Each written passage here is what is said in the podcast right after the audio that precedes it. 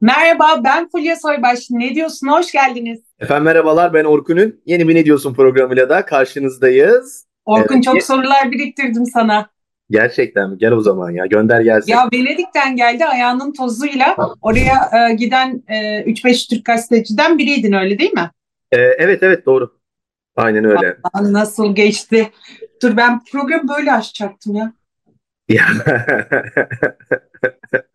Sen şimdi birine gönderme mi yapıyorsun burada? Ya hayır. Şimdi şöyle Venedik Film Festivali ama filmden çok pozlar konuşuldu. E, öyle Yani olur. Öyle oluyor genelde. Evet. inanılmaz.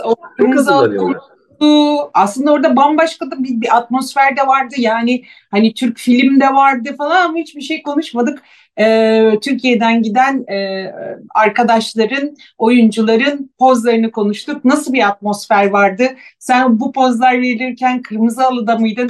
Üf ne sorular biriktirdim demiştin. Tabii tabii. Oradaydım ben de. Biz zaten Lexus'la gittik. Ee, işte Kırmızı Halı'ya beraber Salih Bademci, ben, Melis Sezen girdik. Tabii orada star onlar yani Salih Bademci ile Melis Sezen. Melis Sezen o pozları verirken de Kırmızı Halı'da ona bir şey de vardı. Salih'e de Melis'e de ilgi vardı. Tabii gönül ister filmleriyle gitsinler.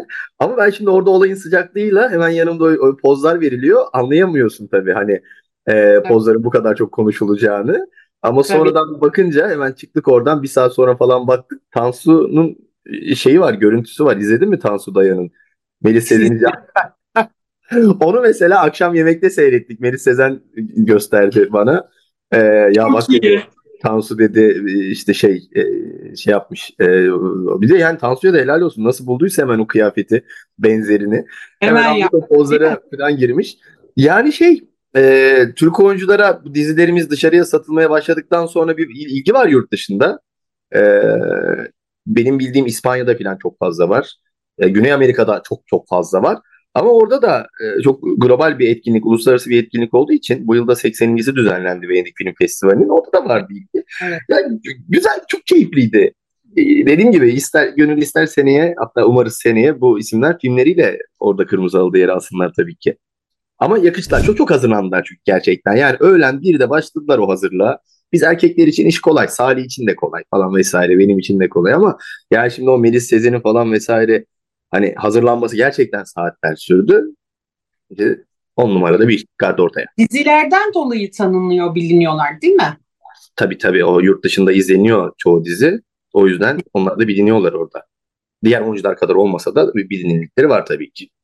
Ya evet işte Güvenç daha üstündü. Ee, Bir günde çok güzel bir yazı, yazmış işte. Yani bu oyunculardan işte güzellik kontenjanıyla tırnak içinde isim vermeden yazmış. E orada Melis Sezen'i kastetmiyor aslında daha geniş bir şeyden, yelpazeden konuşuyor. Keşke hani bu oyuncular da kendilerini geliştirseler orada filmleriyle falan konuşulsa.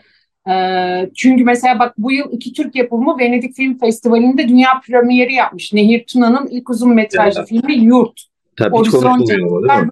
jüri karşısına çıkmış falan. Bunları hiç konuşmadık anladın mı? Bunları hiç konuşmadan birdenbire böyle öne gelince herkese bir dakika ya ne oluyor falan dedi. Bir de Kırmızı Halı'nın atmosferini kimse de bilmediği için o yüzden sana sormak istedim. Ama sen oradayken çok da acayip güzel videolar da çektin. Şimdi ara ara izliyor seyircilerimiz. Bir şey daha vardı. Kadınlar voleybolda şampiyon oldu. Avrupa şampiyonu. O ne keyifliydi. Biz İtalya'da Danieli diye çok güzel bir restoran var. Hatta Danieli Oteli falan belki turist filminden hatırlarsınız. Bu Angelina Jolie ile Johnny Depp vardı. Evet evet evet evet Onun evet. şimdi evet. o otelin restoranında akşam ertesi gün Kırmızı Halı var onu konuşuyoruz. Festival var falan vesaire. Bir anda maça kilitlendik. İşte Ali Haydar abi var. Ali Haydar Bozkurt. O Toyota ve Lexus'un Türkiye şey biliyorsun başkanı. CEO'su. Ee, o ben oturuyorduk falan. O sırada da biz tabii ki son sayı gelince Melisa Vargas'tı değil mi? Biz çığlık çığlığa ama nasıl bağırıyoruz? Bir maç önce de İtalyanları yenmişiz zaten. Şimdi orada her şey olabilir yani. Biri tepki gösterir hiç. Önce garsonlar alkışladılar.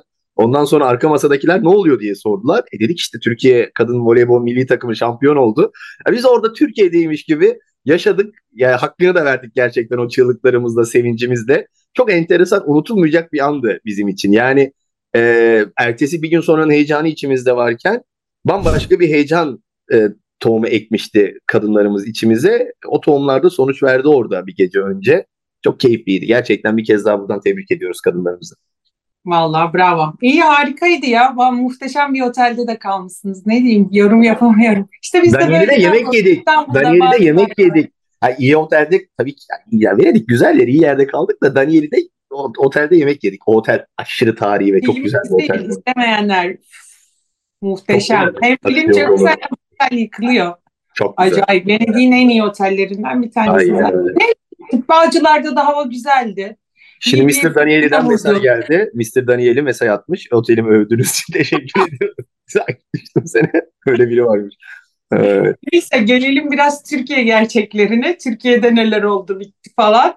Ee, sen yokken ıı, burada neler konuşuldu.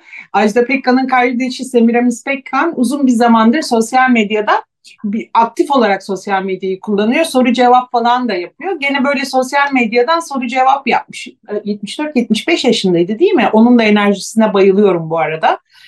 Ee, ve bir süredir de takip ediyorum. İnanılmaz yaşam tiyoları veriyor. Güzel. Yemek yaparken çekiyor. Yemek yaptı yemeğin işte püf noktasını anlatıyor. Yaşamı ile ilgili böyle çok keyifli izlemesi, takip etmesi. Neyse yine böyle bir şeyde demiş ki haftada bir kere ben saçımı yıkıyorum. Çünkü üstü sağlıksız. Ama haftada bir mi saç yıkanırdı bilmem ne de ortalık ayağa kalktı. Ne sence nasıl? Sen ne diyorsun? Ben hiç anlamam ki bu işlerden. Bir de bu aile ne diyorsa inanacaksın. Kusura bakmayın. yani seninle biz Pekkan Ajda Pekkan ne diyorsa hiç sorgulamadan eyvallah deyip geçmek lazım. Şey diyormuş yani ben eskiden beri bilirim. Oradaki yağları öldürüyorsun çok saç çıkarsan diye. Sen ne diyorsun yani hiç anlamadım. Ben, ben eskiden hep öyle bilirim. Hatta Salma Hayek'ti galiba. Yakınca yine bir e, talk show'da şöyle dedi. E, anneannesi, dedeleri, büyük anneleri öyle derim. Sabah uyanınca özellikle kadınlar yüzünü yıkamamalıymış. Çünkü geceden o yüzde biriken yağ gündüz e, yani kremle alabileceğin ya da başka bir eklentiyle alabileceğinden daha fazla nem veriyormuş yüze. Ve yüzünü yıkamamak benim sırrım demişti. Ben böyle nasıl ya yüzünü yıkamıyor muymuş diye kaldım. Ama yani bunları dinlemek de lazım. Ve ben de senin gibi biliyorum. Yani çok sık saç yıkanmaz. Hatta Avrupa'da da gene bir no shampoo, no poo hareketi vardı. Şampuansız e, saç yıkama hareketi vardı. Kimse saçlarını şampuanla yıkamıyor. Çok uzunca bir sürede devam etmişti. Şimdi ne oldu bilmiyorum. Yani ben de böyle üç günde bir falan yıkama taraftarıyım. Ee, bizim bu sefer Hürriyet'ten röportaj yapmış. Cerrahpaşa Tıp Fakültesi Dermatoloji Anabilim Dalı Öğretmeni. çıkıp konuşmuşlar. Diyor ki evet doğru saçın iki günde bir yıkanmasını öneriyorum diyor ama haftada bir de uzun bir süre demiş. O zaman da yağ salgısı artar ve saç dökülmesi olur demiş. Evet gene kararında yani iki üç günde bir. İki daha... yıkamayı tercih ediyoruz diyor bir tanesi de bir profesör de.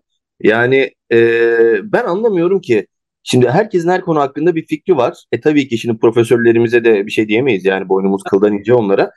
Ama bir tarafta biliyorsun işte yok e, ayı kanı işte falan vesairesi anne sütü öyle garip garip açıklamalar bir tarafta da böyle bu açıklamalar daha bana sempatik daha tatlı biraz daha akla mantığa yatkın geliyor. Ee, dedik Pekkan ailesi güzellik, sağlık konusunda bir şey diyorsa dinleyeceksin kardeşim. Ben ben de senin aynı fikirdeyim kesinlikle. Ya bak not almışım. Evet. Ceyda Düvenci ve Bülent Şakrak 8 yıllık evliliklerini bitirmişlerdi geçtiğimiz günlerde. Ceyda Hanım'ın da e, sanırım bileğinde B dövmesi varmış. Onu bileği... Bende var mı dövme?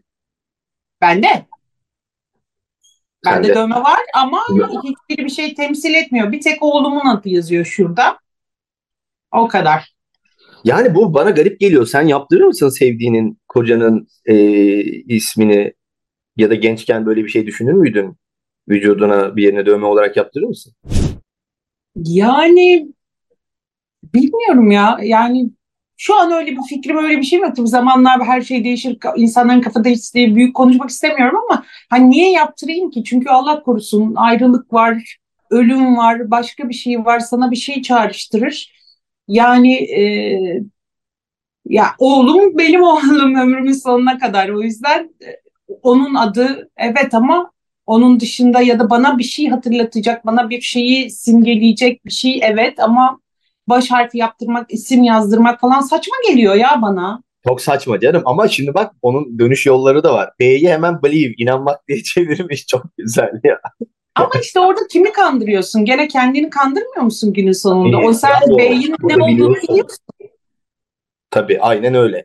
Aynen öyle. Dışarıya karşı belki bir şey değiştirirsin. Belki karşı tarafa bak artık seni hayatımdan sildim mesajı verebilirsin. Ancak o kadar verirsin yani. Yani o Ben olmaz. Ya, ya, Sana şuraya ömrüm falan yazdırıp aşk.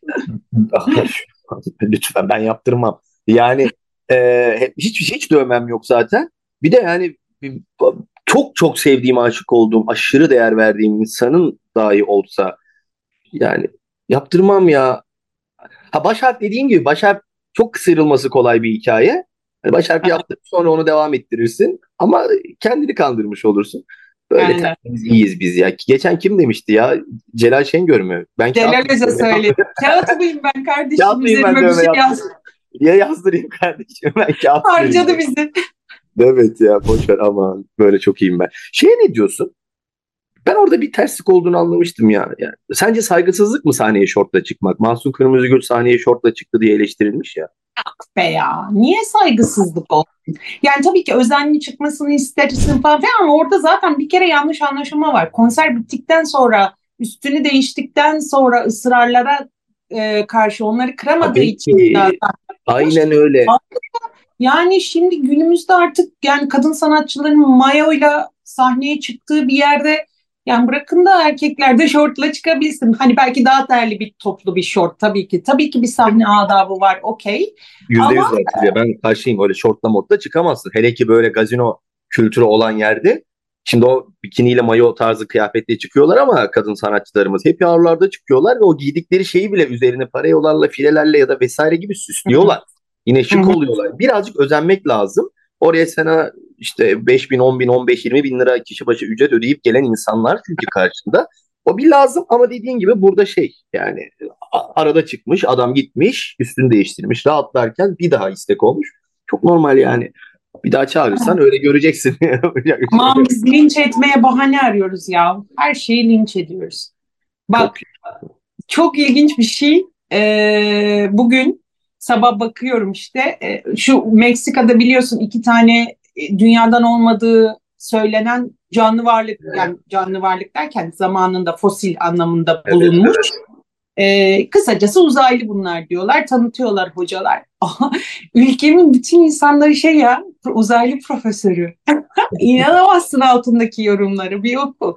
Herkes her şeyi o kadar çok biliyor ki ve herkes o kadar... Biri diyor ki işte hocalardan biri düzgünce bir açıklama yapmış. Diyor ki eğer DNA'ya bakıldıysa diyor, yani DNA sadece insan için geçerli bir şeydir diyor. Hani eğer bu varlıkların DNA'sı incelendiyse o zaman demek ki bunlar da insan. Yani bu kadar basit diyor çıkarım. İncelemişler mi DNA'sını? Evet, evet, DNA yıllarına baktık diyorlar. Ama bir varlığa DNA yapabilmek için, bu testi yapabilmek için insan olması lazımmış, canlı olması. Allah aşkına ya. E.T. Anladın görüntüsünü getirin şuraya ya. E.T.'ye benziyor onlar. Yani hani bildiğin birinin canı sıkılmış. Akşam Meksikalı biri herhalde içmiş içmiş içmiş tekilaları. Gelin demiş biz bir dünyayla dalga geçelim. E.T. Ama E.T.'nin aynısı değil mi? Çok benziyor yani. Ya E.T. yapanlar uzaylılarla önceden görüşmüşlerdi. Ya ama Meksika falan bu işlerin ata toprağı biliyorsun. Oralarda çok var yani. Hani Tabii oralarda çok uzaylı var değil mi? ne var? Çok uzaylı mı var oralarda? Hayır ya. Yani bu Çok işlere inanç, kabile yaşamı zamanında işte e, oradaki e, neydi o İnkalar falan orada yani bu işler oralarda bir de bir şeyde bizde de Göbekli Tepe'de. Ben anlamadım. E, bizim Göbekli Tepe'deki Karahan. Tepe, Tepe'de o şeyler var ya buluntular. Tamam Bu eyvallah da. Meksika'daki kafa bulunduğu söylenen kafa aynı oradakilere benzemiyor mu ya? Orada var işte. Ona da benziyor. Doğru. Senin paylaşımında gördüm onu. Ama kardeşim neden bu uzaylılar hep Meksika'ya, Amerika'ya gidiyor ya? Bence Neden? bu işin toprağı burası burası Anadolu. Tabii ya gel Adana'mıza gel, Yozgat'ımıza git, Tokat'ımıza gel, bir oralı Konya'mızı, ovası geniş gel. Yani varsa buraya da gelsin görelim. Ama hadi Bulacağız şarkı bulacağız. patlat. Hadi şarkı patlat. Nereden nereye? Yani şunu demek istedim. Herkes işte yani bilim insanı çıkmış bir şey söylüyor. Altına da bir sürü. Yani Mansur Bey de çıkmış bir şey diyor. Altına bir sürü yorum. Oo, sosyal medya bizi birbirimize fena düşürüyor. Hiç. Hadi şarkı patlatalım boş ver. Teninin üzerinden ayağını bir bozdu. Aa detone mi oldun sen? Gerçekten ben daha iyi okuyabilirim ki ben bile yani. Ya neyse insanın başına gelir böyle şeyler de. Şarkısını okuyamaz mı ya? Tam onu diyecektim. Şimdi Köf grubunun solisti bu Salman'ın başına geldi. Okudu, detone oldu ve benim tonumdan çalmıyor. Yani tamam orkestranı orke, senin orkestran değil de orkestrayı bir şey yaptı. Direkt topu onlara attı. Orkestra böyle offside'a düşürebilir sanatçıyı ama bu kadar da düşmez canım. İnsan kendi şarkısını değil mi? Hani bilir hangi tondan olduğunu. Diyeceğim ama sonuçta sen de sanatçısın ne bileyim anlamadım. Şimdi ben hiç sahnede böyle bir performans yapmadığım için bu işin inceliklerini de bilmiyorum. O yüzden şimdi işkembeyi Kübra'dan sallamayalım ama e, şeyden hani kendi şarkısı olmasından dolayı kendi şarkına da yanlış giriyorsan o falan dedik. Maalesef dedik yani. yani. Bu kim? Bir biri söylüyor. Yaşar İpek galiba söylemiş. Doğru söylüyor aslında biliyor musun? Dijitalleşme çık bu dijital çıktıktan sonra sahne performansı yapmak çok başka bir hikaye. Dijitalden şarkıyı salıp e, paylaşmak ve onun milyonlar dinlenmesi gerçekten çok başka hikaye. Er meydanıdır. Er meydanı nedir? Er meydanı arkana orkestranı alıp o sazlarla birlikte, yaylı, yaylı çalgılarla birlikte, klavyeyle, basta, davulla, gitarla birlikte Tabii. şarkıyı söylemektir ya. Bu vardı eskiden. Şimdi var ya üf o, acayip. Tabii şimdi oynuyorsun dijitalden veriyorsun piyasaya şarkıyı. E yani. Ah ah Köksal Baba. Ah. Elimizi Köksal Baba. Perihan Ünlücan isyan etmiş. Ev arıyormuş. Hangi birimiz aramıyoruz ki? Vallahi ben onu yazdım. Ev olan ev sahipleri çıkarıyor. Enteresan. Arka başa... Aidat, aidatları yükseltiyorlar. Ya benim dairemin en düşük aidat 10.300 oldu ya. Ve elektrik dahil değil, su dahil değil, doğalgaz dahil değil. 10.300 lira aidat ödüyoruz. Yani bu şaka gibi bir kira şey. Gibi ya, kira gibi olur mu böyle bir şey ya? Ben bu yazıyı yazdım sonra mail de geldi bazı ev sahiplerinden. Herkes aynı değil falan diye. Okey tabii ki değil. Ama e, kendi memleketimizde ev tutamıyoruz demiş e, Perihan. Doğru da, doğru da söylemiş. Çok haklı da bir isyan. Perihan Ünlücan'ın isyanı. Ee, ya umarız bu sorun çözülür. İki yıl falan oldu. Adımlar atılmaya çalışılıyor. İşin garibi adımlar atılmaya çalışıldıkça o atılan adımları yıkmaya çalışan tersi adımlar da atıyor bazı çakallar. Ev sahipleri, emlakçılar falan. Nasıl çözülecek bilmiyorum vallahi. Ya. Sosyal medyada okudum gene. %300 ev sahibi zam istemiş bir hanımefendiden. %200 vereyim demiş. Yani bak %200 zam. Acayip bir zam. Kabul etmemiş.